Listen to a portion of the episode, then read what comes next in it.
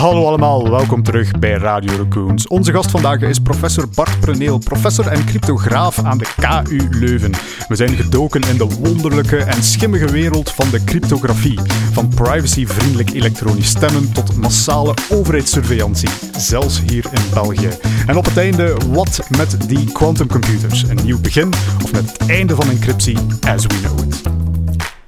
Hallo allemaal en welkom terug bij Radio Raccoons. Een nieuwe aflevering en een nieuwe gast. Deze keer professor Bart Pruneel, cryptograaf, cryptoanalist. Eh, bijzonder eh, eh, leuke titels moet ik zeggen.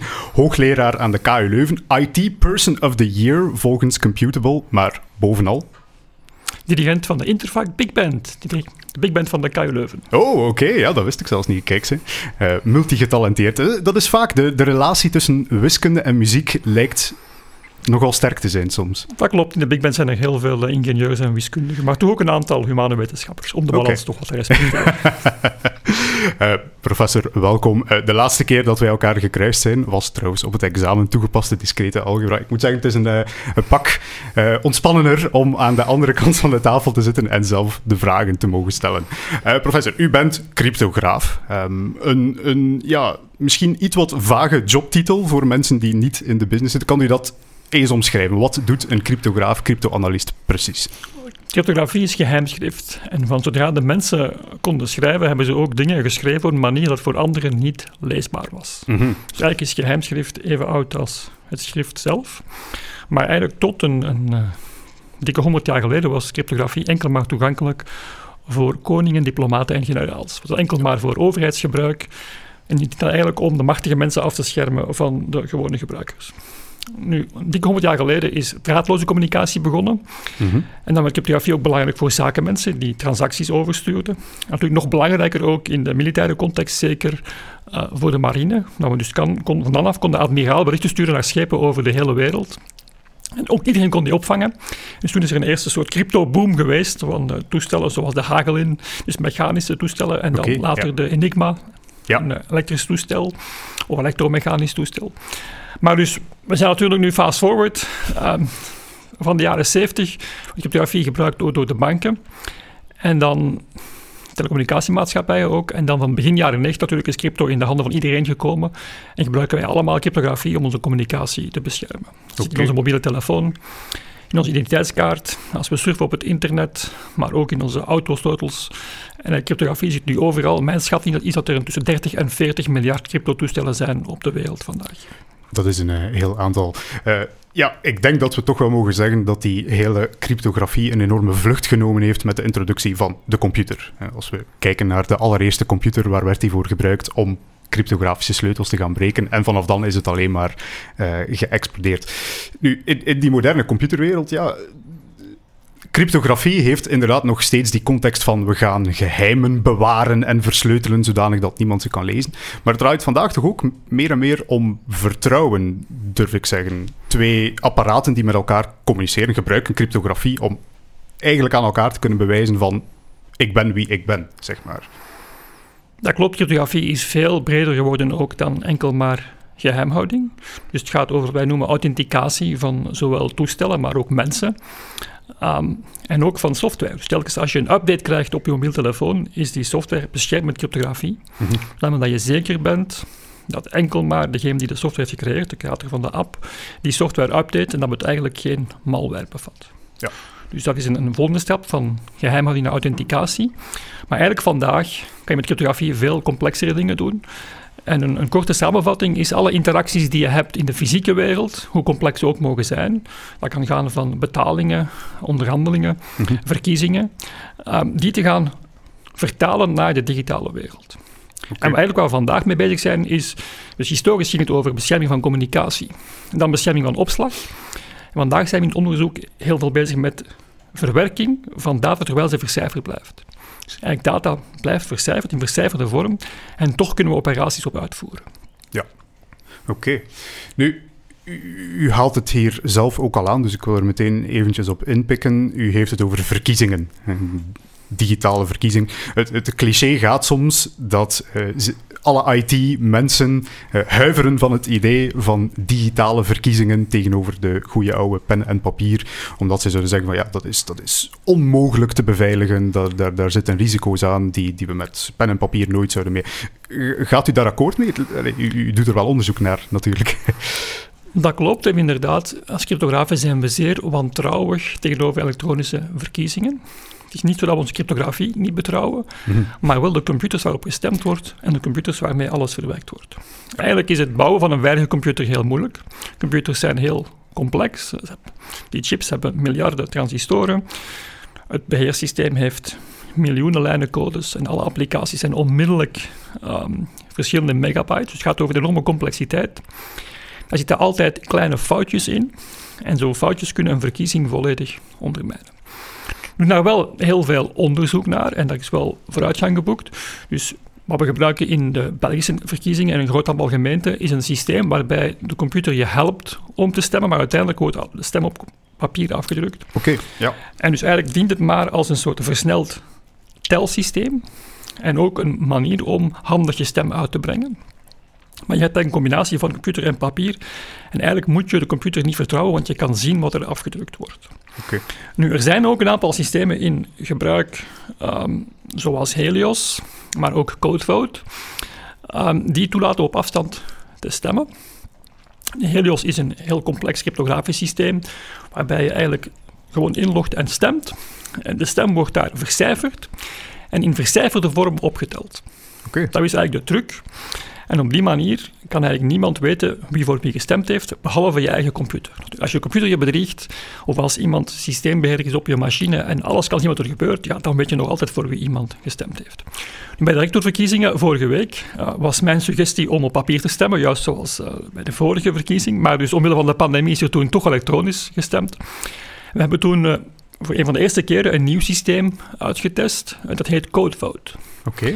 En daarbij krijgen de mensen met de post codes toegestuurd. Ja. Die zitten onder een kraslaagje. Dus zelfs als je brief wordt onderschept, eh, kan je nog niet zien wat de codes zijn. Je moet fysiek die kraslaag wegkrassen. En natuurlijk, als iemand een stembrief eh, heimelijk inkijkt en terug eh, in een omslag steekt, kan je het zien, want die kraslaag is weg. En als die kraslaag er nog is, zijn de codes beschermd. En dan geef je die codes in en dan gebeurt er heel wat magie. En uiteindelijk wordt het dan toch geteld. En zijn er heel veel manieren om na te gaan dat alles correct opgeteld is. Maar het grote voordeel van dit systeem is dat je computer zelf niet weet voor wie je stemt. Want iedereen heeft andere codes. En je computer, of een hacker die je computer controleert, kent de codes niet, weet niet welke kandidaat en welke codes overeenstemt. Mhm. Dus die kan je stem niet lezen of ook niet aanpassen. En dus eigenlijk laat dat toe om te stemmen zonder dat je moet de computer waarop je stemt vertrouwen. Oké, eh, begrijp ik dan correct? Want ik, ik ben zo al een paar keer dat fenomeen gekruist en ik vond dat een van de meest uh, verbazende zaken die ik ooit al gelezen heb. Dat het dat dan gaat eigenlijk over computers die berekeningen uitvoeren op data zonder te weten wat er in die data aanwezig is. Dat is wat er bij Helios gebeurt. Maar bij Helios natuurlijk moet je nog altijd zelf als uh, kiezer iemand aankruisen en je computer kan maar zien. Ja. Bij CodeVote heb je eigenlijk hulp van een extern papier die zegt van deze kandidaat, daar komen die 12 cijfers mee overeen of 15 cijfers, deze kandidaat die 12 cijfers. Je computer kent dat papier niet. Mhm. En dus je computer weet ook niet voor wie je aan het stemmen bent. En iedereen heeft een andere code. Dus dat is een andere techniek. Uiteindelijk werkt je computer op codes, maar weet hij niet welke realiteit met die codes overeenkomt. Ja, Okay. Dat u nog wel met een delicaat punt in het centraal systeem, want daar moet natuurlijk op een bepaalde manier die code omgezet worden in een stem opnieuw. Dat doen we dan met offline computers. Je moet ook nog nadenken over het feit dat die, degene die telt niet achteraf kan stemmen toevoegen. Dat doe je dan met een externe authenticatie. Dus je zit met een heel complex systeem. Ja. Het heeft vrij goed gewerkt voor de rectorverkiezingen eh, denk ik. Dat is een, een, succes. Maar het is zeker nog niet klaar voor primetime, voor nationale verkiezingen, omdat er toch nog een te groot risico zit uh, centraal moest je daar een aantal partijen kunnen omkopen, zou je toch nog de verkiezingen, het resultaat kunnen beïnvloeden. Dus het algemene advies blijft, voor zeer gevoelige verkiezingen hebben we nog geen systeem. Oké. En nog één probleem wat we helemaal niet hebben aangekaart, is beïnvloeding. Dus het feit dat mensen hun stem kunnen verkopen, of mensen kunnen dwingen om voor iemand te stemmen. Ja. Dus het huidige systeem we gebruiken voor de verkiezing had daar geen antwoord op. Want je zou kunnen zeggen van, je hebt, laat je papier zien met maar één deel codes wegge, weggekrast. En dan kan je eigenlijk aantonen voor wie je gestemd hebt. Ja. Dan gaan we vanuit natuurlijk dat bij de verkiezing dat zoiets niet onmiddellijk gebeurt en dat de mensen verstandig genoeg zijn hun papier te shredden of alle codes vrij te krappen. Maar dus dat is wel een, een probleem dat je nog hebt en dat zeker ook bij nationale verkiezingen toch wel een belangrijke rol speelt. En een van de redenen waarom, als we als wetenschappers zeggen van uh, cryptografie is nog altijd niet klaar voor stemsystemen voor nationale verkiezingen. Er zijn een aantal experimenten, hè, in Zwitserland, uh, in Frankrijk, in uh, Noorwegen, in Estland. Onder andere in Noorwegen is het gestopt. In Zwitserland is het na een audit gestopt. In Frankrijk houdt men het systeem wat geheim. Dus het gaat eigenlijk niet echt heel goed met ja. elektronische verkiezingen. De combinatie met papier, zoals we hebben gebruikt bij rectorverkiezingen, daar zien we toch wel potentieel in, maar het is nog niet klaar voor uh, nationale schaal, zouden we zeggen. Oké, okay, uh, eh, we hoeven dus nog niet te vrezen voor Russische inmenging in de rectorverkiezingen van het afgelopen jaar. Of, het valt niet volledig uit te sluiten. We denken dat de kans heel klein was dat de Russen zich daarmee bemoeien. Ja. Oké, okay, uh, misschien kunnen we daar zo een of andere bite van maken, een of andere kop die we dan van boven zetten, mogelijke Russische inmenging. nee, um, Goed, ja, ik, ik, ik vind het al heel interessant om hierover te spreken. Want eigenlijk, ja, u, u bent academicus, u bent met de meer wiskundige kant van de zaken bezig. Dan moet het toch wel ergens heel, durf ik zeggen, frustrerend zijn als die mooie wiskundige algoritmes die allerlei dingen doen, rusten bovenop een berg van onbetrouwbare hardware, onbetrouwbare mensen die uh, allerlei route in het eten kunnen gooien. Moet je daar rekening mee houden op een bepaalde manier, als in uw functie, zeg maar? Dat klopt. En eigenlijk, als je met cryptografie bezig bent en als je dat niet puur wiskundig bent, maar als je bezig bent met toepassingen, dan moet je ook rekening houden met het computersysteem waarop cryptografie draait en met de menselijke factor ook. Je kan natuurlijk mensen nooit uitsluiten als bron van problemen. Um, ik zou daar graag meer onderzoek naar doen, maar we hebben daar de juiste expertise niet echt voor, maar ik volg dat wel nabij. Natuurlijk zo, als je informatie beschermt, dus je altijd ergens um, bij een persoon moet terechtkomen die ze leest. Ja. Of als je een beslissing neemt van is deze code correct of niet, moet eigenlijk een persoon zeggen ik installeer deze software of niet. Dus uiteindelijk blijf je met een menselijke beslissing of ik klik op deze link of niet. En daar gebeurt natuurlijk heel veel onderzoek naar. Ja. En de mens blijft um, zeker de zwakste schakel in heel het systeem, dat wij soms goedgelovig zijn, dus daar is een deel psychologie in. Um, ook economisch gezien, dat mensen um, korte termijn denken of niet echt goed strategisch denken daarover. Maar ik denk dat het ook een heel grote verantwoordelijkheid bij de ingenieurs is. Want mhm. als je de analogie maakt in een computersysteem, wat er eigenlijk gebeurt is, stel dat er een gebouw is en iemand zegt van deze deur mag je niet openen. Als je dan de mensen zegt, dan weet je dat er toch altijd iemand die deur zal openen. Als je dat in een computersysteem, je opent de deur, dan valt het gebouw in. En dan zeggen we van, kijk eens, dat had dat niet mogen gebeuren, je had die deur niet mogen open doen. Maar we weten sowieso dat mensen altijd nieuwsgierig zijn, of gehaast, of slordig, of verstrooid. En dat toch wel eens gaan doen. Dus we moeten misschien leren als ingenieurs gebouwen te bouwen waar als je één deur opent, het hele gebouw niet invalt. En dat is een beetje waar computersystemen nu zitten. Dus ik ben een beetje voorzichtig om de gebruikers verantwoordelijk te stellen. Ze zijn voor een stuk verantwoordelijk natuurlijk. Als je gevoelige informatie uh, gaat rondsturen of als je op alles klikt wat maar beweegt, dan natuurlijk ga je op een bepaald moment schade creëren, niet alleen voor jezelf, maar ook voor anderen. Maar anderzijds is er denk ik een heel grote verantwoordelijkheid voor degene die systemen bedenken en ontwerpen om zo robuuster te maken. En het is iets gemakkelijk om te zeggen van het zijn de gebruikers die slordig zijn, het zijn de gebruikers die moeten opletten. We moeten eerst robuuster systemen bouwen en natuurlijk ook kijken naar de menselijke kant van beveiliging ook. En dat is zeker niet gemakkelijk. Criminelen studeren zeer veel psychologie en die weten heel goed hoe ze mensen um, moeten tot dingen bewegen die ze niet moeten doen. Hè. Heel bekend zijn de scamcalls van Microsoft, of nu die, we in de, in de bankwereld zien. Ja. Mensen wordt gezegd van uw rekeningen zijn bedreigd, je moet heel snel uw geld overmaken naar ergens anders. Er wordt een aantal psychologische trucs gebruikt om vertrouwen te winnen. En dan uiteindelijk gaan de mensen hun geld transfereren naar een externe rekening. Ja. Tegen zoiets kan cryptografie op zich weinig uh, bescherming bieden, want cryptografie dient ervoor om te zorgen dat als iemand wil geld transfereren van A naar B, dat dat op veilige manier kan gebeuren. Anderzijds zou daar misschien wel kunnen AI gebruikt worden en zeggen, want het is toch wel vreemd dat die persoon die normaal enkel maar een paar rekeningen van een paar honderden euro betaalt en misschien af en toe eens duizend euro stort, nu plots gaat 10.000 euro storten naar een bank waar nog nooit een contact mee geweest is. Dus ik denk dat daar ook uh, in de bankwereld toch ook wel mogelijk is om meer inspanningen te doen.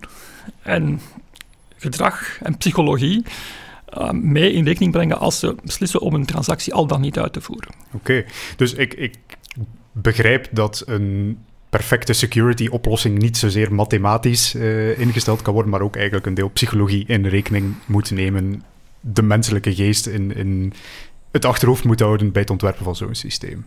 Dat klopt. Je moet eigenlijk met alle aspecten rekening houden, niet alleen technische aspecten. Ja. U heeft het woord nu laten vallen. Uh, ik, ja, de mensen die deze podcast luisteren weten dat ik een zekere beroepsmisvorming heb voor AI, artificiële intelligentie. Uh, ik kan begrijpen, waarschijnlijk op wiskundig niveau hoeven we nog niet te veel concurrentie te vrezen van de artificiële intelligentie. Toch, uh, als we zo wat in de security-wereld kijken, het is een hype natuurlijk, het is bijna verplicht om daar AI op te plakken. Zien we dat toch steeds meer opkomen? Zo, machine learning uh, gebaseerde pentesting bijvoorbeeld, om zwakheden in systemen te gaan vinden. Is, is dat waar we naartoe gaan? Hè? Systemen die voor mensen zodanig onbegrijpbaar worden dat we met AI-systemen op zoek moeten gaan naar zwaktes en dan misschien ook een AI-systeem het laten fixen of zo? We gaan daar voor een stuk naartoe. Natuurlijk, aan de andere kant denk ik dat we voor een deel ook proberen systemen bewijsbaar veilig te maken en dat we eigenlijk meer computerwetenschappen gebruiken om fouten echt uit te sluiten op een veel formele manier. Maar dus heel veel beveiliging is nog ad hoc en daar speelt AI zeker een rol. Dus het kan zijn dat daar inderdaad met um, machine leertechnieken kan ontdekt worden hoe je een systeem kan aanvallen. En dus in het algemeen wat je ziet um, in beveiliging is dat, eh, zeker in de VS, maar die trend waait ook naar hier over, uh, zal men voor een stuk opgeven om systemen te beveiligen. Ook, ook in de maatschappij daar is het concept van beveiliging heel anders.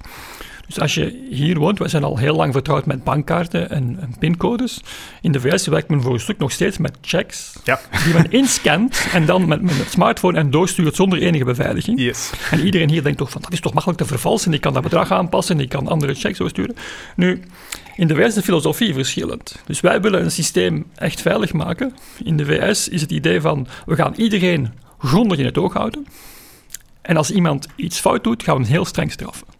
okay, Dat is een heel andere aanpak naar beveiliging, met natuurlijk veel minder privacy, ja. maar een heel andere filosofie.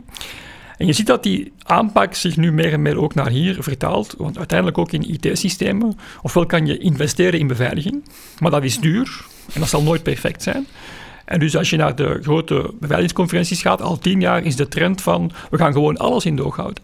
Ja. Dus we gaan gewoon een, een SOC plaatsen, een Secure Operating System, waar we alles in doog houden, alle, alle componenten van ons netwerk in doog houden, al het netwerkverkeer in doog houden. En dan gaan we beslissen wat er goed verkeer is en wat er kwaadaardig verkeer is. En natuurlijk, je kan dat niet doen met ingenieurs, want er zijn te veel knopen en te veel dingen, dus ga je dat met AI doen. Ja. Dus je gaat proberen te leren wat goed gedrag is en niet goed gedrag is. In het algemeen werkt dat wel, denk ik, met twee problemen. Ten eerste, je verliest volledig je privacy, want systemen houden alles in de ogen en iedereen wordt voortdurend gemonitord. Dat is één probleem. Het tweede probleem natuurlijk is dat slimme criminelen wel weten dat ze zich moeten gedragen op een manier die moeilijk te leren is, die heel sterk afwijkt van ander slecht gedrag. Ja. Dus uiteindelijk gaan zij dan ook nog eens AI inzetten om die AI-systemen aan te vallen. Dus je krijgt inderdaad, wat je, wat je kan verwachten, is een soort oorlog van de AI-systemen, waarbij zowel verdedigers als aanvallers AI inzetten. En ingenieurs daar een beetje betutterd bij staan te kijken van wat gebeurt hier nu. Maar één ding weten we wel zeker, privacy zijn we dan kwijt. Ja, oké. En dat, dat brengt ons meteen ja, een beetje naar de volgende vraag. Uh, ja, cryptografie, privacy, die, die twee zijn nogal met elkaar verstrengeld. En door die verstrengeling botst de wereld van de cryptografie ook vaak met de wereld van de overheid. De, de overheid wil zoveel mogelijk controle, wil zoveel mogelijk data. Nu, niet alleen de overheid, de grote technologiebedrijven eh, natuurlijk ook. Hè. We willen zoveel mogelijk data gaan verzamelen, zoveel mogelijk in de gaten gaan houden. Anderzijds is er de cryptografiewereld, die, eh, waarbij er sommigen zijn die zeggen van kijk, totale privacy, alles gaan we versleutelen op het internet, niemand mag ons verkeer in de gaten houden enzovoort. Hoe, hoe, waar bevindt u zich ergens? Uh, Cryptografie gaat over controle tot toegang tot informatie, zowel om ze te lezen als om ze te veranderen. Um, en dat gaat dus eigenlijk over macht. Ja. En als je met cryptografie bezig bent, tenzij je echt met de wiskunde wil bezig blijven, als je nadenkt over toepassingen, dan kom je altijd in discussies over macht terecht, over controle. En dus historisch gezien was cryptografie, zoals ik gezegd heb, bestemd voor de overheid om controle te houden op informatie. Dat is eigenlijk niet meer gelukt. Hè. Eens dat cryptografie in software mogelijk was, kon iedereen cryptografie installeren en het gebruiken. Zit het overal ingebakken. Dus Ja. ik denk de overheid heeft dat opgegeven. Er is natuurlijk ook weinig controle over authenticatie. De overheid kan moeilijk zeggen dat ze moet eh, hebben om in alle gebouwen binnen te kunnen. Of, of eh, dat, daar hebben ze andere manieren voor. Als dat echt nodig is, kunnen ze altijd officieel toegang vragen. Maar dus vooral de discussie ehm, spitst zich toe op toegang tot informatie die verstuurd wordt. De overheid heeft altijd toegang gehad tot communicatie. In zekere zin, dus telefoongesprekken konden heel gemakkelijk onderschept worden, ook brieven, die werden geopend. Ehm, en natuurlijk nu vandaag met technologieën zoals WhatsApp of Signal krijg je end-to-end encryptie. Want op onze gewone telefoon ook, daar is encryptie niet end-to-end. Ja. Op een vast telefoon is er geen encryptie. Op mobiel netwerk is er encryptie tot basisstation of vanaf 3G tot basisstation controller, maar zo gauw alles over het vast netwerk gaat, is alles weer onvercijferd. Dat is een interessante discussie, want voor 5G Ehm, is dat ook nog altijd een beslissing. Dat hangt nog in de lucht, daar wordt niet over gepraat, maar eigenlijk wordt daar ook niet end-to-end vercijferd. Oké. Dus dat betekent dat de overheid, ondanks alle gesofisticeerde netwerken, toch zal kunnen onze gesprekken blijven beluisteren. Wat wel een beetje zorgwekkend is, want 5G wordt ook gebruikt voor robots, voor um, zelfrijdende voertuigen. En dus ook daar heb je dan het risico van interceptie. Mhm. Dus eigenlijk alle problemen met de Chinese spelers zijn niet helemaal, maar ten dele toe, terug te voeren tot het feit dat de overheid ook toegang wil en dan vaststelt dat degenen die netwerk beheren ook toegang hebben. Ja. Maar dus er zijn vandaag inderdaad oplossingen die makkelijk te gebruiken zijn, zoals Signal, die toelaten om veilige communicatie te hebben. En dat is eigenlijk een grondrecht voor de burger. Ik denk dat dat heel belangrijk is. Dat heeft vroeger ook altijd bestaan. Als je vroeger een vertrouwelijke communicatie wilde, dan ging je wandelen in het bos. En dan had je daar een vertrouwelijke communicatie en de overheid had daar niks mee te zien. En op zich is er geen probleem met het feit dat de overheid in selectieve gevallen toegang wil. Um, en dat kan, vandaag gebeurt dat eigenlijk door telefoons te hacken. Ja. Wat natuurlijk het probleem stelt van hoeveel telefoons worden er gehackt. Kan er ook dan informatie worden ingeplant in de telefoon? Misschien word je zo ook vals beschuldigd. Dus daar zijn heel veel mm. consequenties aan, want je weet niet wat de implicaties zijn. Maar in elk geval, het idee van de overheid zou we moeten kunnen binnenkijken in alle communicatie. Dat is iets dat de overheid nooit gehad heeft. Zelf brieven, um, zelf telefoons, dat komt maar op beperkte schaal. Ja. In België was de, de wettige strategie dat politiemensen moesten alle afgetapte telefoongesprekken uitschrijven. en op die manier was er een Controle door bureaucratie eigenlijk. dat was eigenlijk een goed, goed idee. Het probleem natuurlijk is, digitaal kan je gewoon alles onderscheppen. Kan je alles um, lezen. En denk als maatschappij kunnen dat, is dat niet goed. Want er is een zeer groot risico op misbruik. Ja. Dus moeten we massale interceptie uh, proberen tegen te houden. En end-to-end encryptie is daarvoor een goede oplossing. Nu, de overheid gebruikt dan als argument um, kinderpornografie, terrorisme, georganiseerde misdaad. En er is nu een enorme push bezig. Um, die is gedreven door de beslissing van uh, Facebook om ook iMessage te gaan end-to-end vercijferen. -hmm. En blijkbaar is, was iMessage, bij de domme pedofielen nog altijd gebruikt, was het een grote bron van... Um, informatie voor de overheid om die netwerken op te rollen. Okay. En dus Facebook heeft dan aangekondigd, we gaan toch end-to-end vercijferen, zoals bij WhatsApp. En als reactie daarop is er een groot initiatief gekomen, uh, gecoördineerd door de commissie en ook uh, heeft het steun gevonden het Europees Parlement, om te zeggen van, oké, we kunnen berichten niet onderscheppen, we gaan aan de bron op het moment dat het bericht verstuurt, gaan we kijken of het wel een legitiem bericht is. En gaan we het filteren tegen bekende uh, CSAM, zoals het heet, Child Sexual Abuse Material uh, okay. content. En natuurlijk, op deze zicht lijkt dat een, een redelijke oplossing, want je blijft end-to-end encryptie behouden. Je filtert tegenover inhoud die schandalig is en die bekend is. Maar ik denk als wetenschappers zijn we toch zeer beducht hiervoor, want de informatie waartegen je filtert is geheim. Ja. Want als je natuurlijk weet welke beelden worden onderschept of welke iets triggeren, ja, dan ga je er andere sturen, dan ga je die eerst zelf filteren. Dus op komt het risico dat de overheid ook andere dingen gaat bijzetten politieke aspecten, dingen die, uh, misschien kunnen we in West-Europa zeggen van, we zijn nog niet zo bezorgd, maar denk aan Hongarije of Polen. je moet nog maar een paar landen verder gaan en je wordt echt bezorgd, Oekraïne, Midden-Oosten. Ja. Dus eigenlijk kan zoiets ook leiden tot een systeem van censuur en controle van de overheid, op een manier die helemaal niet zichtbaar is en niet transparant is. Ja. Dus als cryptografen zeggen wij van, uh, wij zijn voor end-to-end encryptie. Wij begrijpen dat er problemen zijn voor de overheid, dat inderdaad gesprekken niet meer kunnen gelezen worden. Maar de overheid heeft andere middelen. Ten eerste het hacken van toestellen. We zijn daar niet blij over. We hopen toestellen hackvrij te maken. Maar de realiteit op het terrein vandaag is dat NSO Group, Celebrite, Hacking Team, dat die toegang hebben tot machines op afstand. Die betalen tot een miljoen dollar voor zero days en die gebruiken die om op afstand in te breken En dus die tools zijn beschikbaar bij de overheid. Hoe weten we dat? Wel, Hacking Team is gehackt. en al hun tools met hun klantenlijst staan op Wikipedia. Ja. Je kan daar gaan kijken wat ze allemaal konden doen, uh, welke bedrijven en overheden klant waren bij hen. En dus je ziet dat er een enorm systeem is dat toelaat om toch in zo'n gevallen in te grijpen. Ik denk dat één belangrijk element is.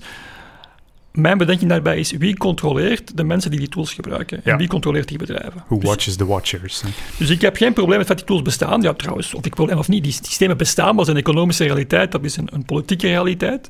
Maar ik vind als maatschappij moeten we wel onze controle op die systemen opvoeren. Ja. Want het geeft heel veel macht aan overheden. Die macht is, die is er. Betekent, je kan, je kan niet meer terugschroeven, denk ik. Dus je moet dan ook vanuit het parlement of vanuit experten daar voldoende controle op of uitoefenen. Nu, er is nog een tweede aspect, en dat wordt altijd onder de mat geveegd, dat is de metadata. Uiteindelijk weet de overheid wie met wie communiceert. We hebben ook allemaal een mobiele telefoon. De telefoonmaatschappijen weten exact waar u bent op elk moment. Google weet het ook. Want Google kijkt welke wifi-netwerken er in de buurt zijn. U kan zeggen, ik zet wifi af. Wel, Google vindt dat niet zo leuk. En af en toe zetten ze wifi terug aan om te kijken welk netwerk in de buurt zijn. Dan zetten ze wifi weer af. Dus Ja. uiteindelijk wordt een telefoon gelokaliseerd door Google of door Apple. Ook door de telecommaatschappijen. Dus ze weten waar u bent. Ze weten met wie u praat. Ehm, WhatsApp verbergt niet wie uw contacten zijn. Bij Signal is dat iets beter, maar ook daar zijn er nog zwakheden. En uiteindelijk kan de overheid kijken van, van waar naar waar vloeien pakketjes en kunnen ze eigenlijk zo netwerken oprollen aan de hand van metadata. Nu, de meeste mensen begrijpen al niet hoe belangrijk dat is, maar natuurlijk, metadata is een zeer gevoelig of zeer, een zeer machtig tool om het te doen. Um, en in Europa hebben we de dataretentierichtlijn, die de operatoren verplicht om al die metadata bij te houden. En in België is dat voor één jaar. Oké. Nu, die richtlijn is al een groot aantal keer aangevochten bij het Europese Hof van Justitie. En vreemd genoeg ziet het Europese Hof van Justitie voortdurend dat het inderdaad niet wettig is. Dat is, strookt niet met het recht op privacy, want het principe van die verzameling van metadata is dat je alle informatie over iedereen verzamelt, voortdurend. En op die manier, om een aantal mensen die eigenlijk ehm, zich misdadig zouden kunnen gedragen, te gaan detecteren. En eigenlijk zegt het hoogste Europese gerechtshof van, dit kan eigenlijk niet. Ja. Nu, die metadata die is zo belangrijk en zo gevoelig dat de landen eigenlijk dat vonnis min of meer naast zich neerleggen of omzeilen. Wat ze doen is hun wetgeving een klein beetje aanpassen. En natuurlijk dan begint er opnieuw een rechtsgang die vijf jaar Ja. duurt om dan het Europees Hof te zeggen dat was toch niet genoeg aangepast. Dus nu in België zijn we weer in de volgende fase, dat is ondertussen al, al een hele tijd bezig. En nu is de suggestie van de overheid om te zeggen van we gaan het land opdelen in veilige gebieden en minder veilige gebieden, zoals bij stations of misschien een aantal wijken in Brussel. In de minder veilige gebieden gaan we wel metadata verzamelen en in de veilige gebieden gaan we het niet doen. Dus mensen op het platteland ja. mogen rustig blijven verder Ja, leven, ja. maar als je in de buurt van een stad komt... Dus dat gebeuren toch zeer vreemde redeneringen. Ja. Uh, maar dus dat laat duidelijk zien hoe belangrijk die metadata is en, en hoe, ook hoe zinloos die discussie is over toegang tot encryptie. Want uiteindelijk kan de overheid al heel veel doen Ja. op dit moment. Netwerk identificeren. Als er een misdaad is, er zijn nu overal camera's. Eh, Die worden in de eerste plaats natuurlijk om te kijken, uh, om, om rondtrekkende daderbendes te vinden, uh, of om mensen om gestolen auto's te vinden, of niet verzekerde auto's. En natuurlijk nu zien we dat het ook wordt gebruikt om de lockdown-maatregelen na te gaan. Uh, natuurlijk ook om een aantal misdaden op te lossen. Maar dus de overheid heeft heel veel meer tools ter beschikking. En ik denk dat we moeten als maatschappij ons afvragen van in hoeverre kunnen we toegang tot die tools beter controleren. Ja. En wat hebben dat leidt tot mass surveillance. Dus qua onderzoek is er ook heel veel nood aan onderzoek naar bescherming van metadata. Ja. Dus een van mijn collega's uh, heeft is een start-up begonnen, NIM Technologies, die zit ook in de adviesraad. En daarbij willen we dus eigenlijk door het mengen van pakketjes op het internet metadata nog beter beschermen. Alright. Ja, het is, het is, ik vind het be best verbazend om te horen als we denken aan zo uh, mass surveillance, overheid die, die data bijhoudt. Dan denken we aan China, dan denken we aan de VS met het uh, schandaal rond de NSA. Maar dus ook hier in Europa. Hier in Europa wordt er dus ook een hele hoop data iets wat uh, grijs grondwettelijk bewaard. Klopt inderdaad. En ik denk dat ook als Europeanen moeten we niet zo gerust zijn, want we weten uit de Snowden-documenten dat de Amerikanen ons uh, uitgebreid bespioneren, met hulp van hun Britse vrienden trouwens. En dat zal ja. zeker niet verminderen na Brexit. um, dus in Amerika is er vooral een schandaal uitgebroken, over de Snowden-documenten, omdat bleek dat de NSA ook Amerikanen bespioneerde. Ja. dus het feit dat ze Europeanen bespioneerden, dat was perfect oké, okay, dat, is hun job. Ik denk dat dat één punt is wat in Europa niet goed is doorgedrongen. Dat, natuurlijk in, de, in Amerika zal de FBI Amerikanen bespioneren, maar de FBI is misschien iets minder technologisch geavanceerd dan de NSA. Nu, wat ook niet zo goed geweten is, natuurlijk dat er heel nauwe samenwerkingen zijn. Misschien heeft iedereen gehoord van de Five Eyes, UK, US, Canada, Australië, Nieuw-Zeeland. Maar als je kijkt naar de Snowden-documenten, zijn er ook heel veel andere samenwerkingsverbanden.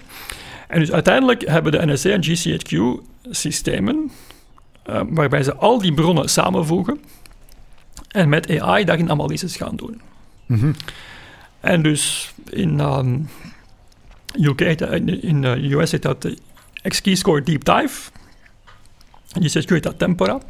Om een idee te geven uh, hoe machtig die systemen zijn, dus wat er stond in de Snowden-documenten, is dat de Duitse geheime dienst, de Bundesnachrichtendienst, spioneerde op Franse bedrijven, maar ook op Duitse bedrijven. Dus het, uw eigen nationale geheimdienst spioneert okay. Duitse bedrijven, geeft die informatie aan de Britten, in ruil voor toegang tot hun spionagesystemen en hun analysesystemen. Dus eigenlijk zegt de Duitse overheid van, die systemen zijn zo machtig, zijn zo waardevol, dat wij bereid zijn om gegevens over onze eigen burgers en onze eigen bedrijven aan onze conculega's of concurrenten te geven, om in ruil daarvoor te mogen kijken in hun systemen en dus een aantal mensen op zo'n manier gaan in doog te houden. Ja. Dus helaas zijn er over het Belgische geval geen gegevens gelekt. Over het Duitse geval is er uitgebreid gelekt. Daar is ook een Duitse parlementaire onderzoekscommissie geweest. En de mensen van netspolitiek.org die hebben dat allemaal netjes opgeschreven wat daar verteld is. En als u Duits kan lezen, kan ik dat zeker aanraden. Dus allemaal, al die details zijn daar duidelijk bevestigd.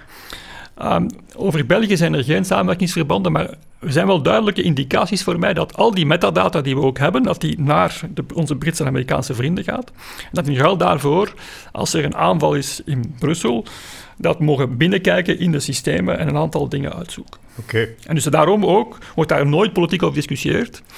Dat debat in het Duitse parlement door de onderzoekscommissie was zeer uitzonderlijk. Maar eigenlijk zijn het allemaal dingen die volledig uh, verborgen worden gehouden voor de gewone burger, denk ik. Zonder te willen paranoïd zijn, denk ik, zo'n document laat gewoon zien dat de realiteit is. Ja. En als je alle documenten grondig leest en dan de puntjes verbindt, dan zie je wel een plaatje dat toch wel zorgwekkend is.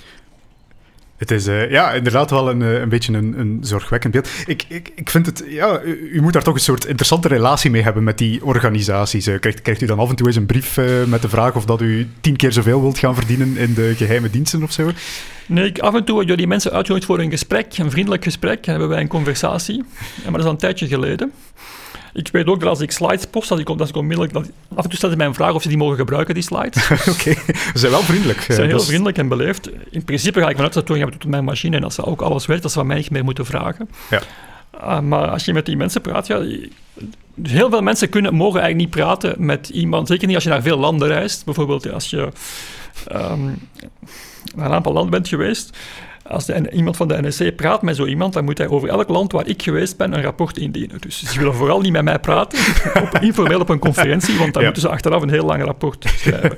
dus enkel maar heel senior mensen die beter, kunnen dat blijkbaar beter inschatten en die kunnen wel af en toe praten. Maar eigenlijk is het vooral eenwegcommunicatie. Ja. En word je uitgenodigd voor een gesprek om aan bepaalde dingen te bespreken. Okay. Je ziet dan wel bijvoorbeeld hoe je technologie evolueert. Hè. Dus in de jaren 90 dat is ook de tijd van de lange regenjassen en de zwarte auto's. Um, dan ging je dus naar zo'n lokaal en dan was daar een telefoon met een, een plaatje daarbij. Geliefde telefoon uh, uit, uit, te trekken voor het gesprek begint. Ja. Dus, omdat dus iedereen weet, als je een beetje Spycatcher gelezen hebt of een aantal andere spionnenromanen, dat elke telefoon kan worden omgezet in een microfoon op afstand. Ja. Nu, bij de oude telefoons moest je daarvoor intern iets veranderen. Moest je eigenlijk eerst een soort uh, inbreker hebben die dat kwam doen. Nou, dus blijkbaar betrouwde men dat niet en moest je je telefoon dus telkens uittrekken. Maar dan kwam de tijd van de gsm's. Okay. En dus iedereen, opnieuw, er zijn geen harde bewijzen voor, maar iedereen in de industrie weet dat wel, dat elke telefoon, elke gsm-telefoon, die kan op afstand omgezet worden in een uh, microfoon. En dat blijft werken als je telefoon uitstaat. Ja. Dus als je met die mensen in vergadering ging, wat die deden, dat was heel vreemd. Die legden allemaal hun telefoon op tafel, die hadden de batterij daaruit en dan begonnen ze pas hun gesprek. Ik had toen nog geen smaak in telefoon, maar ik vond het wel heel vreemd dat ze dat allemaal deden. Ja. En dan krijg je de volgende generatie, de iPhone, dat kon je dan niet meer doen. Dus de batterij komt er niet meer uit. Groot probleem voor die mensen. Dus wat ze dan deden was een, een safebox buiten de vergaderzaal. En dan moest je daar je telefoon inlaten en dan stond er in het, in het vergaderlokaal stond al een teken van uh, we hebben apparatuur om telefoons te detecteren. dus je kan zo wel zien hoe die mensen in een paranoia, paranoia evolueren, maar je kan op basis daarvan ook zien wat inderdaad gebeurt en wat er allemaal mogelijk is ik vind dat niet uit. Ik heb dat allemaal persoonlijk zelf meegemaakt. Dus uh, als ik nu bij die mensen op bezoek ga, dan neem ik, laat ik mijn telefoon thuis. Want ik, ik, vind het ook niet zo leuk om mijn telefoon in zo'n safe achter te laten. Wat gebeurt er allemaal mee terwijl ik in een ander lokaal zit? Ja, dat weet je ook niet natuurlijk. Inderdaad. Ja, de... Misschien even een, een toffe vraag. Allee, toffe of misschien een beetje een angstaanjagende vraag stel. Ik word verdacht van iets. Ik heb iets misdaan. Ik kan het midden laten wat. En, wacht, nu lijkt het alsof ik echt iets misdaan heb. Stel, hè. En ze zouden over mij informatie te weten willen komen die ze misschien al ergens hebben, of nieuwe informatie. Wat zijn zo zaken waar we misschien allemaal niet aan denken? locatie is zo de, typische. Zo van, ze, weten, ze kunnen makkelijk weten waar ik ben. Hè? Uh, door mijn abonnement bij uh, een telecomprovider, daar de data, of uh, bij Google of whatever. Maar wat zijn zo nog zaken waarvan je denkt van, oh, maar daar heb ik totaal niet aan gedacht? Ik denk tegenwoordig wordt het eigenlijk heel, heel moeilijk om uh, bewaking te ontlopen. Hè. Om te beginnen, ik kan zeggen van ja, ik zal nog van mijn telefoon thuis laten of die in een metalen box bij mij meedragen. Hè. Dus een, een kooi van Faraday bouwen. Um, dat, is zeker, dat is een oplossing. Maar alle mensen rond u hebben ook een telefoon. En ze kunnen daar dus ook um, op ingrijpen. Eens ze weten dat iemand uw contact is, kunnen ze ook op afstand kijken van is hij in de buurt of niet. Met ja. AI kan men ongetwijfeld een, een, stem detecteren en zeggen, ah, hij zit hier, hij, is, hij zit hier. Uh, ik denk waar mensen niet aan denken natuurlijk, is alle camera's overal. Je ziet dat wel een beetje als je nu kijkt naar, naar uh, vragen van de politie op televisie om misdaden oplossen. Heeft men nu bijna altijd beelden. Maar vroeger had men een vage beschrijving en dan wist men het was zo hoog en het was zo groot en, en, en had die kleren aan. Vandaag hebben we bijna altijd een foto. Ja. Dus, dus in die zin, je kan nergens meer komen. Um, wat we ook weten is dat wagens worden gevolgd. Hè. Dus ik weet niet of je dat gezien hebt, maar uiteindelijk heeft een... Um, dat is al een tijdje zo dat een moderne wagen heeft een tachtigtal processoren. En er zitten ook een 3 à 4 gsm's, gsm's in, ingebouwd, met simkaarten. En wordt zowel met de constructeur wordt er gepraat, eventueel met uw garage of met uw verzekeringsmaatschappij. U zal het nog niet weten. Uh, maar dus, dat is een beetje in het nieuws gekomen toen men Salah Abdeslam heeft opgepakt. En dus Salah Abdeslam had blijkbaar een voorkeur voor Duitse wagens. En hij ging daarmee zijn um, medeterroristen oppikken uh, in Oost-Europa. En dus het blijkt dat men al die wagens achteraf kon volgen. Dus zelf achteraf, na de feiten, toen men, heeft men kunnen ontdekken welke auto's hij gehuurd heeft, en kon gewoon nog perfect het spoor door Europa volgen waar hij allemaal geweest was en waar hij gestopt was om koffie te drinken, bij wijze van spreken. Ja. Dus je kan in principe ook moet je een auto van 1990 hebben als je niet gevolgd wil worden of iets van die stijl. Maar dus het probleem is dat er ook overal camera's staan. Je moet maar eens in, in Leuven kijken. Je kan in Leuven nergens meer rondlopen zonder dat je op een camera bent. Dus het is eigenlijk heel moeilijk om niet gevolgd te worden. Mm -hmm. uh, maar natuurlijk ook laat je heel veel sporen achter op je toestellen. Als je informatie wist, blijf je daar eigenlijk op staan. Eigenlijk is een, een, als je dus een, een uh, flash drive hebt, solid state drive, de enige manier om die gegevens uit te wisselen, is dat ding gewoon verbranden en in, in duizend stukjes klein maken. Want dus met speciale tools, zelfs als u de gegevens overschreven heeft, blijven die gegevens zichtbaar. Ja. Want die flashdrives voortdurend op andere plaatsen schrijven en eigenlijk weet niemand waar wat staat. Dus eens men een flashdrive heeft en men krijgt hulp van de fabrikant of een speciaal tool, kan men alles nog terugvinden. En nog maar te zwijgen over het, over het internetverkeer in het algemeen zo weinig mogelijk communicatie hebben. Ik denk dat we terug, terug naar de fysieke wereld gaan. Ja. ja. Terug naar het bos gaan wonen. Ja, ik heb het gevoel dat als ik uh, anoniem en verborgen wil blijven, dat ik vooral 30 jaar terug in de tijd moet gaan. Met oude auto's moet rijden, geen gsm in een bos gaan wonen ergens. Absoluut, ja. Want dat eerste 30 jaar geleden. En eigenlijk is cryptografie wordt dan beschouwd als de, technologie die ons toelaat om, om geheimhouding te bewaren. Maar eigenlijk zijn we, als je naar het grote plaatje kijkt, falen we compleet. Ja. Want er is helemaal geen geheimhouding meer. En een beetje hier en daar nog communicatie wordt verborgen. En je kan natuurlijk wel, als je denkt aan het uh, Sky ECC-verhaal, natuurlijk, waar de, een aantal misdadigers die speciaal vercijferde telefoons gebruikten, die, ook speciaal ja, gehard, ja, ja. die waren ook speciaal gehard, hè, dus zodanig dat daar minder toepassingen op stonden. Maar ik heb dat nooit goed begrepen, want die dingen gebruikten blijkbaar standaardtelefoons. Dus dat betekent dat sowieso die basisbandchip toch kon afgeluisterd worden, maar natuurlijk, dat gaat men nooit bekennen. Ja. Dus ik, ja. ik, zou nooit, als ik misdadiger was, zo'n telefoon nemen die een standaard telefoon is met een standaard basisbandmodem, want dat zit al van begin jaren 90 dat probleem in, dat daar een achterdeur uh, in zit. Maar u kan wel begrijpen uit die analyses dat een groot verschil is tussen metadata, dat betekent van je weet wie in het netwerk zit, tot natuurlijk dat je zegt van ruim die persoon op of ga daar op die plaats zoveel kilo uh, wit poeder ophalen. En de politie natuurlijk maakt het een groot verschil of ze ook de inhoud kennen, zeker als je hem moet veroordelen. Ja. Maar wat natuurlijk een, verantwoording om te zeggen van je mag niet meer vercijferen of we gaan een achterdeur plaatsen in alle vercijfering, dat lijkt mij eigenlijk een stap te ver. En die mensen moeten volgens mij op een andere manier worden aangepakt. Okay. Ik herinner me nog gesprekken op het internet waarbij dat het zo ging over security en hoe, hoe raak je aan een secure device. En dan waren de discussies gewoon, ja, het, het ging erger en erger. En zo, ja, natuurlijk kan je je operating systeem niet vertrouwen. Windows, ja, het is zo lekker als iets. Dus uiteindelijk kwam het erop neer dat je zelf je silicium ergens uit een mijn moest gaan halen, etsen, je processor gaan maken. En dan had je een kleine kans, als je handmatig je Linux-kernel compileert, om misschien een veilig systeem te hebben. Zolang dat je het maar niet vastmaakt aan het internet. Dat, dat was de conclusie. er is wel Tails, hè. er is een Tails operating systeem wat speciaal voor beveiliging gemaakt is. Dat kan opstarten van een USB-stick.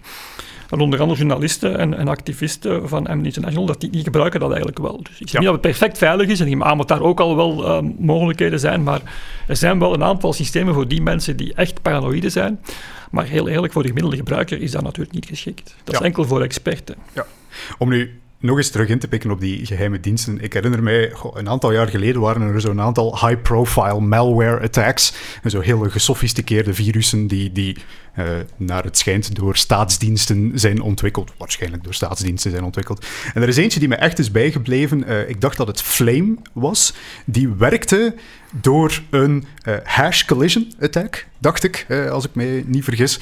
En ja, op basis van wat ik er toen van las, was dat echt van: oké, daar wisten we zelfs niet van dat het wiskundig mogelijk was. Uh, en ik ben nog nooit zo bang geweest over, over ja, een schaduwachtige organisatie, want die heeft gewoon een wiskundig voordeel bovenop de rest van de wereld. En dat vond ik.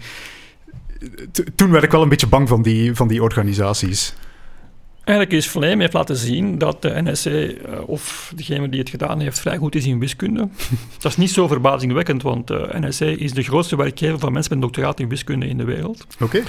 Nu, die aanval was niet zo verrassend. Hè. Dus uiteindelijk uh, zijn er zwakheden aangetoond aan de KU Leuven in MD5 uh, in 1992 al. Aha, oké. Was er een verwittiging, er is een, een tweede zwakheid gekomen van mijn uh, overleden collega Hans Stoppert in 1995, een grote zwakheid in MD5. En zelf bedrijf RSA, dus R is, ergens, uh, de R in RSA is Ron Rivest, dat is de ontwerper van MD5. Ja. Het bedrijf RSA heeft in 1996 gezegd van stop met gebruik van MD5. En dan uiteindelijk heeft een Chinese professor in 2004 aangetoond van inderdaad, botsingen zijn mogelijk. En stop met gebruiken van MD5. De Flame-aanval is in 2010 of 2011 geweest. Dus eigenlijk al 15 jaar na de eerste verwittiging en vijf jaar nadat er een aanval bekend was. Nu blijkt dat dus na de publicatie van die aanval in 2004 eh, Microsoft de MD5 removal person heeft aangesteld. En de taak van die persoon was om MD5 uit alle producten van Microsoft te halen. Nu enkel maar in Windows zaten er 800 toepassingen van MD5. okay. En wat eigenlijk de les is uit Flame, uw les is van ja, NSA is zeer machtig. Wel, uiteindelijk was een nieuwe variant op de aanval, in die zin misschien wel verrassend dat mensen daar nog mee bezig waren en nog een variant hadden. Maar uiteindelijk hebben ze zich ook verraden, want dus door die aanval zelf kon je zien welke techniek ze hadden gebruikt. En die was niet zo spectaculair. Okay. Dus wij waren niet geweldig onder de indruk, maar wel verrast dat, we, dat ze zichzelf vrijgaven. Ja. Maar eigenlijk is de boodschap eerder van de MD5 removal person heeft gefaald. Want dus zelf op na vijf jaar waren er nog Microsoft-producten waarbij updates werden gedaan met MD5. En dat is natuurlijk niet alleen de fout van Microsoft, ook hun klanten die natuurlijk um, te lang gewacht hebben met updates en die zeiden van ja, maar we hebben legacy systemen die we niet kunnen updaten en die waarschijnlijk druk hebben uitgeoefend om toch nog MD5 te blijven gebruiken. Dus ik denk, uit Flame zou ik even de les trekken dat het veranderen van cryptografisch algoritme, het upgraden daarvan, wat dat een zeer moeilijk probleem is, en dat we daar eigenlijk niet genoeg uh, aandacht aan besteden, dat zoiets 5 à 10 jaar kan duren. Terwijl je eigenlijk zou denken van dat dat op een aantal jaar kan. Ja. Maar dat is niet zo. Ik, het, is ergens wel interessant om te bedenken, wij, wij gebruiken cryptografische algoritmen, waar dan later een wiskundige manier op gevonden wordt om, om die te gaan omzeilen, om die te gaan breken enzovoort. Is het zo moeilijk om van een wiskundig algoritme te kunnen bewijzen van kijk, dit, dit kan niet zomaar worden omzeild, wiskundig gezien dan? Ik denk dat we zeker al een heel stap vooruit gezet hebben. Cryptografie bestaat uit heel veel lagen. En dus wat we wel kunnen bewijzen is van als de laag hieronder goed is, dan is de laag erboven goed. In ja. de hogere lagen zitten we eigenlijk al met veel eh, robuuster materiaal. De laatste eh, vooruitgang daar is dat men bibliotheken heeft die eigenlijk bewijsbaar correct zijn. En waar een aantal fouten in implementaties ook bewijsbaar niet aanwezig zijn. Dat betekent dat die implementatie perfect veilig is, maar daar wordt enorm veel vooruitgang geboekt. Maar de onderste laag is nog altijd zeer kwetsbaar. Dus bewijzen dat iets moeilijk is, is heel moeilijk. en complexiteitstheorie is ontstaan in de jaren 70 en men was heel optimistisch. Men ging kunnen bewijzen wat moeilijk was en gemakkelijk was. Maar eigenlijk de kernvraag van complexiteitstheorie is: ik heb een probleem en dat probleem heeft een korte oplossing. Ja. Is het dan gemakkelijk om het probleem op te lossen of om te checken of de oplossing correct is? Yes. Dus dat is de P is NP-vraag. En eigenlijk die vraag is eigenlijk een heel eenvoudige vraag. Het zou moeten veel moeilijker zijn, intuïtief, om die oplossing te vinden en om ze te checken, want checken is gemakkelijk. Maar dat kunnen we niet oplossen. We kunnen niet aantonen dat er zo'n probleem bestaan, waarbij het vinden van de oplossing moeilijker is dan het snel checken van de oplossing. Ja. Dus eigenlijk hebben we heel weinig vooruitgang geboekt. Um, er zijn een aantal problemen waar we kunnen aantonen dat het twee keer moeilijker is om ze op te lossen dan om ze, uh, de oplossing te checken, maar dat is natuurlijk helemaal niet goed genoeg. Ja. Dus aan de andere kant natuurlijk hebben we wel als cryptografen heel veel tools ontwikkeld en hebben we heel veel inzichten verworven en zijn de systemen die gemaakt zijn, ik zou zeggen in de laatste 20 jaar, wel beter dan de voorbije 200 jaar. Maar natuurlijk niets sluit een uh, doorbraak uit. En zeker in publieke cryptografie met quantumcomputers hebben we wel een groot probleem. Ja, dus daar zou het kunnen zijn dat wat we vandaag gebruiken binnen 10, 15 of 20 jaar toch niet meer veilig is. Ja. Brengt mij naadlo naadloos naar het volgende topic natuurlijk, de quantumcomputers. Uh, specifiek als het gaat over ja, het breken van encryptie met quantumcomputers, kijken we vandaag de dag vooral naar het algoritme van Shor en primfactorisatie, correct? Het is niet alleen dat, natuurlijk, dat is één belangrijke component. Het andere is ook discreet logaritme. Okay. Dus dat gaat over het probleem a tot de macht x bot p. Um, bij a en p bekend zijn, vindt x. Dus vindt een ja. exponent. Um, in het discrete geval is dat moeilijk. Er bestaat geen logtoets uh, op een rekenmachine die die x vindt, uh, zoals bij het uh, reële geval. En die twee problemen blijken verwant te zijn met, dus verwant met factorisatie eigenlijk. Maar als je kijkt naar alle moderne systemen, um, kijk naar EMV-bankkaarten, TLS, dus uh, bescherming op het internet, um, ook identiteitskaarten, reispassen. Um, heel veel systemen hangen daarvan af van het feit dat ofwel factorisatie moeilijk is, ofwel discrete log moeilijk is. En dus het algoritme van Shor laat zien dat als je een grote quantumcomputer kan bouwen, dat zo'n probleem plots gemakkelijk wordt. Ja. Dus natuurlijk, er zijn nog geen grote quantumcomputers. De grootste zitten tussen de 50 en de 100 uh, fysische qubits. Dat zijn nog geen logische qubits. Ja. Dus er is nog een enorme afstand te gaan. Dus we hebben een paar duizend um, logische qubits nodig. En de schatting is dat dat een paar miljoen fysische qubits vraagt. Um, en er wordt vooruitgang geboekt, maar de vooruitgang is toch wel trager dan je zou denken. Ja. Dus in eind jaren 90 zaten we aan een, een, handvol qubits. Dus vandaag, dus na 20 jaar, zitten we ergens aan het aantal tientallen, 50 à 100. Um, niemand ziet onmiddellijk van dit kunnen we inderdaad op 10 jaar doen naar een paar miljoen, maar we kunnen het niet uitsluiten. Ja. En zeker, met mij lijkt de kans vrij groot dat we het binnen een aantal jaar toch wel kan, maar of het nu 15 jaar is, of 20, of 30, of 40, dat hangt ervan af hoeveel er wordt geïnvesteerd. In die computers zouden niet, zou zeer duur zijn en niet bijzonder nuttig. Die kunnen alleen maar gebruikt worden om cryptosystemen aan te vallen. Wel, ook wel voor uh, medisch onderzoek, ja. dus om bepaalde moleculen te vinden. Maar er zijn heel veel problemen ook, zoals AI-problemen met grote hoeveelheden data, waar ik niet onmiddellijk een toepassing zie van quantumcomputers. Misschien optimisatieproblemen bij bepaalde parameters wil fine-tunen van je model, waar je heel veel uh, oplossingen kan doorzoeken. Nu, natuurlijk, als cryptografen zijn we daar al lang mee bezig. Het Ochoa-algoritme is van begin jaren 90. Um, er wordt veel over gesproken, maar al sinds bijna 20 jaar zijn we op zoek naar andere algoritmen mm -hmm. die bestand zouden moeten zijn tegen quantumcomputers, dus post-quantum cryptografie. Ja. En de Amerikaanse overheid heeft daarvoor een competitie gelanceerd. Um, daar zijn een groot aantal algoritmen ingestuurd, al een groot aantal gebroken. We zitten nu in de fase waar nog een, een, een, tiental over zijn, waarvan ook één van onze groep, het Saber-algoritme. Dus we Alright. zijn weer in de running, ja, zoals met de AIS um, 20 jaar geleden. Daar gebeurt dus heel veel onderzoek naar. Er zijn heel veel mensen aan bezig. En er is toch wel enig vertrouwen dat we een oplossing gaan vinden. Um, er zijn min of meer twee soorten oplossingen. Je hebt de roosteroplossingen, dus lattices in het Engels. Ja. Ehm, eigenlijk vrij efficiënt. Rekenkracht is beperkt. Ehm, maar grote key lengths zeker? Wel, zelf niet. Als je de speciale structuur van roosters gebruikt, dan kan je de sleutels ook beperkt houden. Ehm, implementatie is niet zo eenvoudig, een aantal complexe trucken bij nodig. maar natuurlijk de vraag blijft, zal Shore of iemand anders een roosteralgoritme vinden, een efficiënte manier om roosters te reduceren of niet. Ja. En als dat zo is, hebben we een gigantisch probleem, want wat er nog overblijft buiten roosters is handtekeningen die wel goed werken en die waarschijnlijk wel veilig zullen zijn, maar die vrij groot zijn. Mm ofwel is de handtekening groot, ofwel publieke sleutel groot, ofwel allebei. En dan systeem gebaseerd op codes, foutverbeterende codes. Dat zijn dan GOPA-codes. Ehm, maar die zijn eigenlijk ook heel traag en heel groot. En, en, die zijn duidelijk een pak minder efficiënt. Dus we hebben nog wel een aantal troefkaarten achter de hand. En mijn grote bezorgdheid is... Dus ik denk, ik hoop dat de roosters het gaan halen, om die zin dat die efficiënt zijn en ja. makkelijk um, bestaande oplossingen kunnen vervangen. Al wel niet alles. Hè. Uh, maar mijn grote vrees natuurlijk is, als we daar niet in slagen, dan krijgen we een systeem met symmetrische sleutels dat wel zal blijven werken, waarbij die sleutels in de handen zijn van centrale partijen. Ja. dat is dan ook weer niet en zo... dus de geheime diensten beginnen zich al uh, in de handen te wrijven, want als we natuurlijk... We kunnen publieke cryptografie vandaag vervangen door systemen met symmetrische cryptografie, omdat alles met alles verbonden is. Dus ja. in principe, als je de voldoende capaciteit hebt, kan alles zonder publieke soort crypto, als je allemaal online bent, maar met een enorm risico bij de centrale partij. Plus verlies je natuurlijk ook heel veel systemen zoals uh, rekenen op vercijferde data. En door de verkiezingen kan je allemaal je buik op, dat kan je allemaal vergeten. Dus heel veel innovaties, um, ook heel veel cryptomunten zullen problemen krijgen. Dus eigenlijk voor privacy zou het zeer slecht zijn, moesten we geen antwoord vinden. Ja, ik, ja, ik probeer me dan voor te stellen als, als academicus die echt met de fundamentele wiskunde van die zaken bezig is. En dan komen plots quantumcomputers.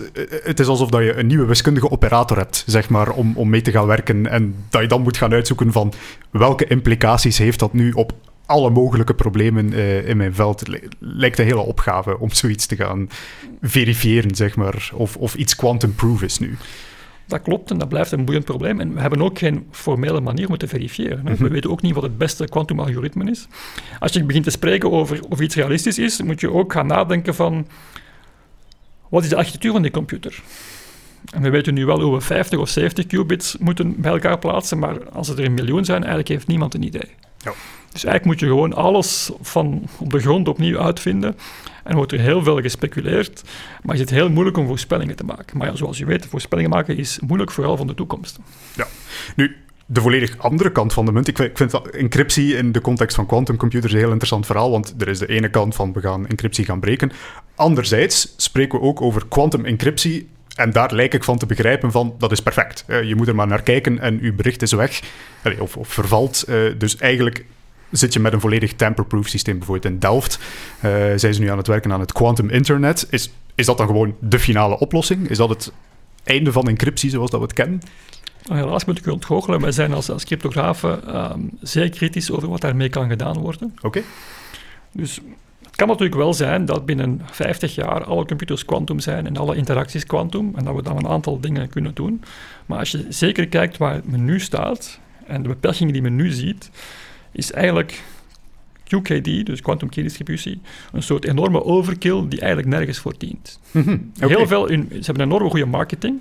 Ik verwijs dat, ik verwijs dat mensen in fysica niet, ze hebben heel grote budgetten nodig, dus ze hebben ook goede marketing. Het is zeer cool onderzoek, want wat ze doen is fantastisch. Ze manipuleren fotonen. Ik, bedoel, ja. ik vind dat wauw. Maar als je kijkt naar een ingenieursprobleem dat ze willen oplossen, wat ze eigenlijk oplossen is key amplification, dus sleuteluitbreiding. Als je al een sleutel hebt, een langere van maken. Oké. Okay. Dat kunnen we oplossen met AES. En als we dat moeten veiliger maken, dan maken we een variant van AES met 750 ronden. En het zal nog altijd veel trager, veel sneller zijn dan wat zij doen. Dus, maar hun oplossingen zijn punt tot punt. Laatst keer heb gekeken, was internet niet punt tot punt, maar was een netwerk waar iedereen kon connecteren. Ja, ja. Um, de afstand is nog altijd beperkt. Dus je moest over glasvezel. Ze zijn nog altijd bezig aan quantum repeaters. Mm -hmm. Een quantum repeater bouwen, als ik goed ben ingelicht, is bijna even moeilijk als een quantumcomputer bouwen. Het is iets gemakkelijker, maar het zal sneller gaan, maar toch zit in die moeilijkheid. Dus de ja. vraag is, gaan we zoiets compact en lage kost doen? En dus er is geen probleem, oplossing voor authenticatie. Wat eigenlijk het groot, een groter probleem is dan, dan geheimhouding. Dus eigenlijk is QKD zeer goed voor marketing. Het is zeer goed als u punt-op-punt -punt verbinding hebt. En als u dus gelooft in, in fysieke verbindingen tussen partijen waar je even goed zou kunnen eventueel een courier sturen. Ja, oké. Maar het wordt wel enorm gehyped. En, en een van de grote hypes is via satelliet. Nu, de capaciteit is daar ook beperkt. En de vraag is dan, wie controleert die satelliet? En kan je dan aantonen, dat bewegen ook, ze dat kunnen, maar dat, dat zelf als je satelliet controleert, dat je toch de communicatie niet kan beheersen. Ja. Maar dan nog, dat zijn satellieten die niet te hoog overvliegen. Dan moet je nog altijd een uur wachten tot de satelliet bij de volgende bestemming is om dan bericht te sturen. aan. Dus ik zie nog altijd niet goed in. Dus het is een fantastisch futuristisch idee, maar in elk geval voor de volgende 20 of 30 jaar zie ik niet in hoe dit gaat bijdragen aan veilige communicatie. Er wordt wel enorm veel in geïnvesteerd. En volgens mij zal beter worden geïnvesteerd in ehm, klassieke cryptografie en post-quantum cryptografie. Ik wil dat onderzoek zeker niet stoppen, hè, maar ik denk dat wat er beloofd wordt, en dat doen die, de QKD-mensen al tientallen jaren, is overpromise en underdeliver. En blijkbaar geraken ze ermee weg. dus op dit moment is het nog altijd zo dat zo'n QKD-box 10.000 euro kost. Ja. Alle bedrijven die het proberen in de markt te hebben, zijn failliet gegaan. Er is er nog één dat het um, ID Quantique dat het probeert. Maar als je naar hun website gaat, uiteindelijk, die QKD is zo traag dat ze toch moeten AES gebruiken voor bulkdata. Oké, ja. En dus hebben ze eigenlijk heel snelle AES-encryptoren gebouwd om toch hoge snelheden te halen. Als je nu naar hun website gaat, dan vind je daar um, hun encryptoren, die zeer goed zijn, vermoed ik. Dat staat bij also available with QKD. Dus eigenlijk verkopen ze nu, Ja. de bedrijven dat nog winst maken, dat nog overleeft, verkoopt nu eigenlijk AES-encryptoren. En als je echt wil, kunnen ze ook QKD bijzetten. Oké. Dus maar op een of andere manier zijn ze er wel in geslaagd vanuit Europa heel veel geld los te weken. En blijven ze, ja, zeggen natuurlijk eerst zegt China van ja, maar het gebeurt in Europa. Dan zegt Europa ja, maar het gebeurt in de VS. En dan zegt ja, maar het gebeurt nu in China. En dus die cyclus loopt de Ja. wereld rond. Ja. En er worden dus eigenlijk miljarden geïnvesteerd in een technologie die volgens mij eigenlijk in de komende twintig jaar geen toekomst heeft. Oké. En dat is eh, iets waar we volgens mij wel een prijs zullen voor betalen. Want we zouden beter investeren in dingen die ons, ons probleem in de komende 10 of 20 jaar gaan oplossen. Ik eh, zou voorstellen dat u misschien denkt aan een rebranding. U bent quantum cryptologist en dan misschien kan u ook die sommen losmaken en misschien meer eh, resultaten tonen dan het eh, quantum team. Ik wil liever elke ochtend in de spiegel kunnen kijken. En ook, Ja, ik, afleveren wat ik beloof. Ik denk dat dat belangrijk is. We, gaan nog eens naar. Delft moeten trekken om, om een weerwoord te krijgen daar. Dan, dan, dan komt het helemaal in orde. Nu, onze tijd zit er bijna op. Ik ga nog eindigen met een kleine filosofische uitsmijter. altijd. Eh, ik denk, er is maar één echte fundamentele filosofische vraag die we aan een cryptograaf kunnen stellen. Namelijk, P is gelijk aan NP. Waar hoopt u op? Waar denkt u aan? Ik weet niet, natuurlijk voor een, een cryptograaf, wij denken, hoop dat het verschillend is, dat problemen zijn die moeilijk zijn om op te lossen, want anders zijn onze systemen eh, niet veilig. Ja. Uh, maar of, we, of ik nog zal zien dat men dat kan bewijzen, daar ben ik toch niet zo zeker van. Oké, dus mogelijk onbewijsbaar zelfs. Het, eh, Of toch niet met de huidige technieken in de volgende tientallen jaren. We zitten er nu, dit probleem is nu bijna 50 jaar oud, dus um, er zou nog wel best 50 jaar bij kunnen komen.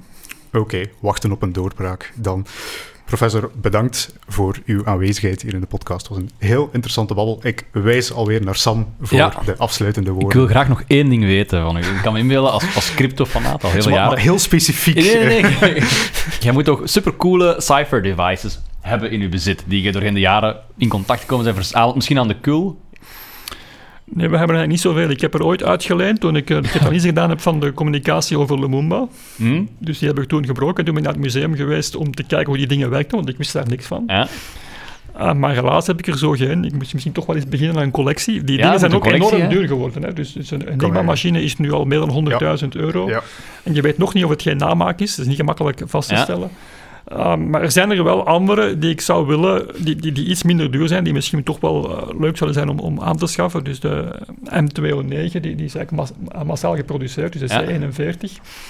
Um, die is waarschijnlijk iets minder duur, maar in het algemeen um, is denk ik, daar, daar hadden we moeten aan beginnen 30 jaar geleden. En de typische Enigma, geen Enigma in het bezit? Wel, Er zou- er zou 100.000 in euro. 100.000 Ah ja, die zijn 100.000 euro, oké. Er zou, ja. er zou er in België één zijn, in, of één gestaan hebben in de villa van de regent Ah, ehm, oké. in, in Oostende. Maar ik weet niet waar ze naartoe is. In elk geval, ik denk dat het Legermuseum er geen heeft. Allee, we doen een warme oproep. Moest iemand per ongeluk een Enigma nog op de zolder hebben staan? Uh, we hebben hier iemand geïnteresseerd. Absoluut. Oké, okay, super. Bedankt ook nog altijd. We hebben, we hebben heel veel dingen vermeld. Hè. Uh, die staan in de show notes. Dus alle links naar wat jullie vermeld hebben, hebben we ondertussen opgezocht. Dus dat kunnen jullie gerust eens nalezen. En heel hard bedankt. Moest het interessant zijn, we hopen van wel. Uh, abonneer dan zeker. En als er nog vragen zijn, laat het weten. Dan spelen we ze graag door. Dank u wel. Alright, tot de volgende aflevering.